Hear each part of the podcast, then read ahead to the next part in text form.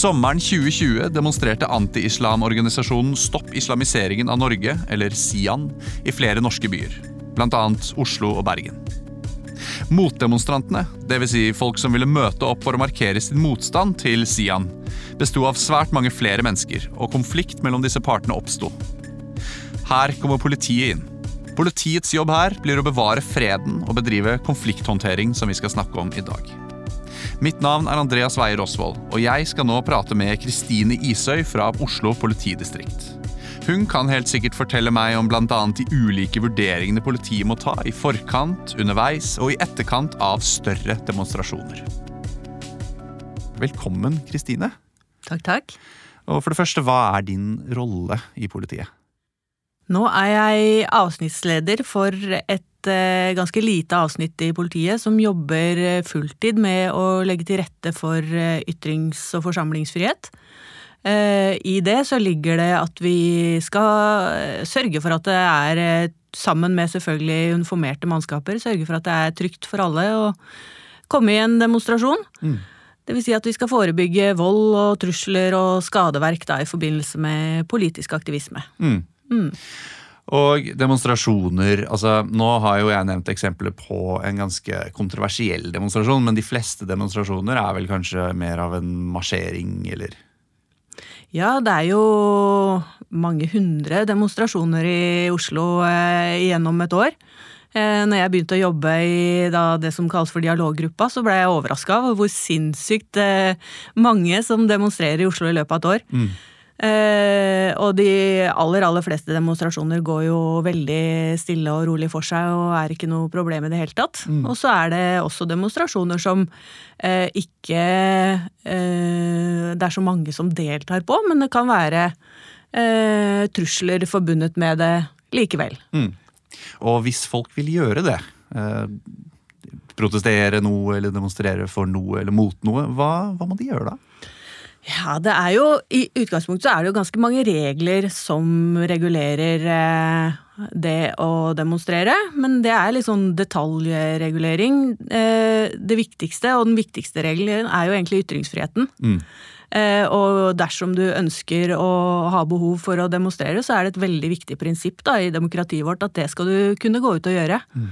Eh, så hvis noe skjer, og du eh, spontant eh, steller i stand en demonstrasjon og drar ut i gatene, så har politiet en plikt til å legge til rette for det, selv om du ikke har gjort noen av de formelle tingene som du skal. da. Ok, mm. Så man må ikke ha sendt inn nødvendigvis mange mange, mange skjemaer og sånn? Eh, hva skal man si? Altså, Hvis du gjør det til boka, ja. så skal du gjøre det. Ja. Og det er straffbart å ikke melde fra til politiet. Okay. Men samtidig så, så, er det jo noe med eh, Noen lover og regler har på en måte høyere rang enn andre, da. Ja. Så det å ikke ha sendt inn en søknad eller en melding til politiet, det vil være en sånn formalovertredelse som bare kan medføre en bot. Mens eh, det å hindre ytringsfriheten er mer eh, alvorlig. Mm. Eh, hva gjelder politiet, så, så, sier loven at du skal melde ifra. Du skal ikke søke. Du skal okay. melde ifra til politiet, og så står det bare 'i god tid'. Og hva det er, det er jo Litt etter skjønn, kanskje? Ja, fordi at ofte så er jo en demonstrasjon en reaksjon på noe som skjer ganske akutt, da. Mm. Så hva er god tid? Og så, så, vil jo det variere i forhold til Er det sånn som du nevnte, Sian som skal demonstrere, så vet man at det, i hvert fall i dag, mm. at politiet må ha tid til å forberede seg. Ja. Og da vil god tid være noe annet enn om en eller annen liten gruppering som er helt ukontroversiell, vil markere seg, da. Ja. Mm. Og det er vel da heller kanskje det første som skaper mer konflikter, eh, eller som kan være grobunn for at det skjer konflikter. Og da må jo dere drive med konflikthåndtering, som vi snakker om i dag. Ehm, på hvilken måte driver politiet med konflikthåndtering, både før, under og etter sånne demonstrasjoner? Først så vil jeg kanskje si at vi driver konflikthåndtering kan kanskje eh, Vi skal jo ikke håndtere konfliktene mellom mm. Eh, demonstrant og motdemonstrant. For det er, et veldig viktig prinsipp at politiet skal være nøytrale. Vi skal ikke ta del i noen konflikt. Eller for så vidt heller ikke løse noen konflikt. Så den konflikthåndteringa som vi driver med, det er jo å forebygge eh, opptøyer vold osv. Så, videre. mm. så det er et viktig, viktig prinsipp for oss, at, at, vi skal være helt nøytrale. Mm. Eh, og uh, det dialoggruppa gjør før en demonstrasjon, er jo at vi tar kontakt med ikke alle arrangører av demonstrasjoner, for det har vi ikke kapasitet til, men vi er i kontakt med ganske mange. Og man trenger hjelp på veldig forskjellige nivåer. Noen trenger bare hjelp til å orientere seg i alle disse reglene som er. Mm. Eh, og det er eh, liksom viktig konfliktdempende eh, tiltak for oss. Fordi eh, da er vi allerede en eh, samarbeidspartner da, mm. for mm. aktivister, istedenfor at, eh, sånn som det er i mange land, at de opplever politiet som en motpart som ja. ønsker å hindre ytringsfriheten deres. Men vi er der for å legge til rette. Det er liksom første steg. Mm. Men når det koker, da, la oss si underveis, så begynner mm. det å grye til. Hva, hva gjør dere? Hva, hva, er stegene dere tar for å bedrive konflikthåndtering da? Ofte så bygger jo de mye på det arbeidet vi har gjort i forkant. Fordi vi jobber mye med demonstrasjoner, så ser vi ofte hva, hva, som potensielt kommer. Og så har vi hatt mulighet til å snakke gjennom det på forhånd. Mm. Og da er det veldig Vi eh, jobber alltid også ute på demonstrasjoner. Vi er ute og treffer arrangør tidlig. Eh, og hilser på kanskje vakter, hilser på ressurspersoner. Ofte så er det jo samme mennesker som demonstrerer mm. år etter år, så vi blir kjent med de. Vi, vi ser hvem som etter hvert er ressurspersoner. Da. At hvis noe drar seg til, så ser vi hvem som er hvem som kanskje er litt sånn autoriteter innen miljøet, hvem som eh, lar seg rive med og bidrar til å eskalere situasjoner, eh, og hvem som er motsatt. Mm. Så vi prøver veldig ofte å bruke de så godt det lar seg gjøre. Bli kjent med dem og vise et ansikt utad og litt sånn, eller? Ja, en tilbakemelding som vi fikk etter en av Sian-demonstrasjonene, var jo blant annet det at, at politiet var for tidlig inne da, med, som, med den CS-gassen. Mm. Eh, og de sa dere skulle gitt oss litt tid til å ordne opp i dette her sjøl. Og da var det noe vi snakka om i mellomtida, og sa at eh, hvis, det, hvis, det, samme skjer igjen, så, så vil dialoggruppa komme inn og si at det, det, det, minuttet du ba om for å prøve å ordne opp i sjøl, det, er der nå. Okay, ja. Så det er sånn type ting som vi gjør. Når man snakker om disse Sian-demonstrasjonene, da, dette, de er jo litt spesielle, for da blir det jo mye oppmerksomhet. Hvordan i disse spesifikke, eller den som var i Oslo, hvordan, hvordan planla dere sikkerheten der? Hva, hva, gjør dere annerledes når det er såpass mye trykk? da? Ja, det, det her er Sian-demonstrasjonen er jo noe som har eh, kan du si, eh, eskalert over tid. Mm. For eh, noen år siden så Eh, fikk ikke si han spesielt mye oppmerksomhet. De sto på Eidsvolls plass, og det var knapt eh, tilhørere og knapt politi. Mm. Eh, og så har det jo Sian begynt å bruke sterkere både retorikk og visuelle virkemidler og mye som har skjedd, da, som har gjort at det har fått mer og mer oppmerksomhet. Mm. Um, så, og før siste Sian-demonstrasjon eh, på Eidsvolls plass, så er det jo et ganske enormt apparat som dras i gang mm. med, for å planlegge sikkerheten. Det skaleres jo opp og ned alt ettersom eh, hvordan bildet er. Men før det, så, altså før, før, den siste demonstrasjonen til Sian, så var det veldig mye som ble dratt i gang. Da, det starter jo da med at Sian melder ifra at de skal ha en demonstrasjon. Mm. Og da i god tid forveien, eller? Ja. De har, har lært såpass at det tar, tar litt tid å planlegge. Ja. Og da involveres alt fra på en måte politimester, som vil eh, skrive på en måte det, det vi kaller for politimesterens intensjon, da, som, sier, som er en sånn veldig sånn overordna dokument om eh, at ytringsfriheten skal bevares og mm. forskjellige sånne type ting. Så settes det i gang eh, planlegging fra Altså, det skal tas ut eh, mannskaper. Man skal finne ut hvor mange mannskaper man trenger. Det vil jo også være veldig Det er et sånn veldig levende bilde da, av situasjonen. Mm.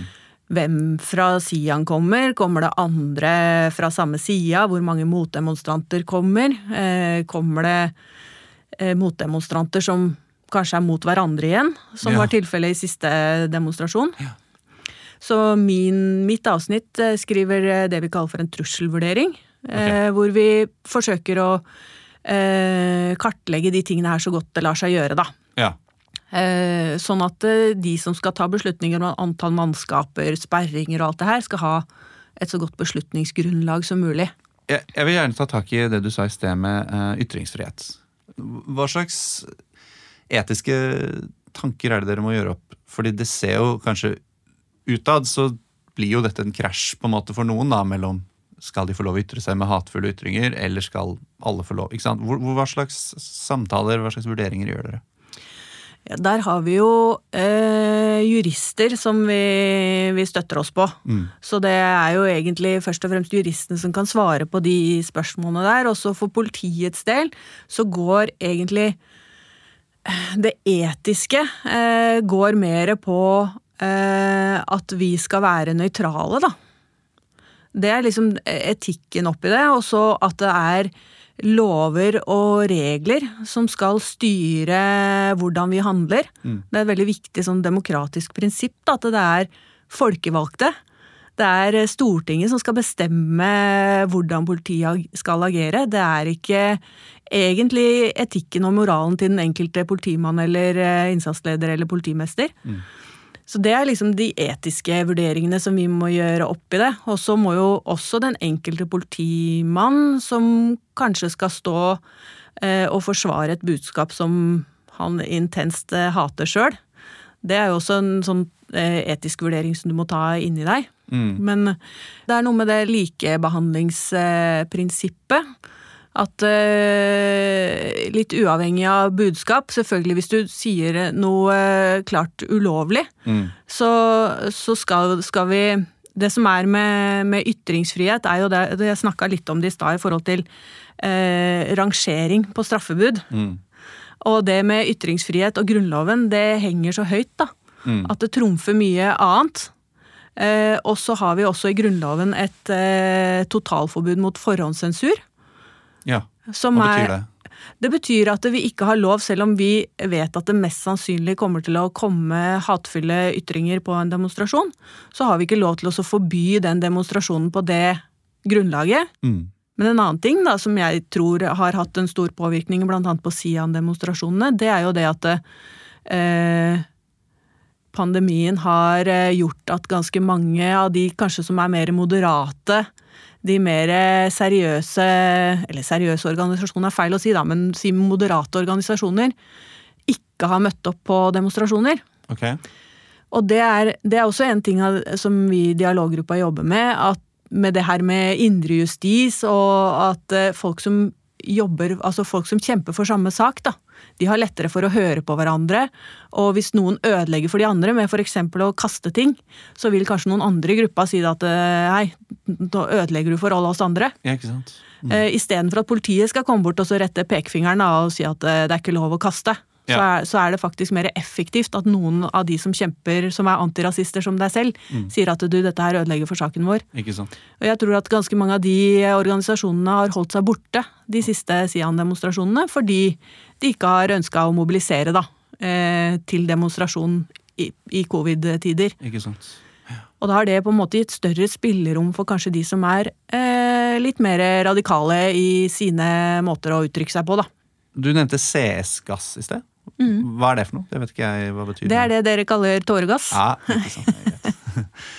Eh, men politiet har jo mottatt litt sånn kritikk for å bruke sånn CS-gass eller tåregass ved enkelte anledninger. Hva er rutinene deres der, og når er det dere velger å bruke sånn tåregass? Mm. Det er jo ikke noe rutine, kan du si. Det er jo øh, lover som regulerer politiets maktbruk. Eh, og en sånn eh, generell regel sier jo at du alltid skal ha prøvd lempeligere midler før du prøver noe som er sterkere. Og så er jo CS-gass et av de eh, lovlige maktmidlene som vi har. Mm. Før vi Så når du spør om rutine, da, kan du si før vi skal bruke det, så må vi ha enten prøvd eller funnet at det er helt åpenbart ikke nytter å prøve noe mildere. Mm. Og før CS-gass blir brukt i demonstrasjoner, så, så vil vi alltid ha prøvd f.eks. dialog. Vi har jo dialoggruppa som jeg har nevnt, som jobber i folkemengden, som har kontakt med arrangør, som har kontakt med vakter, eh, og som gjerne vil kunne fange opp ting som skjer tidlig. Mm. Som vil kunne gå inn og si at nå må dere, nå må dere prøve å ta tak i deres egne som eh, blir litt vel ville borti hjørnet der. Mm. Det er ett virkemiddel.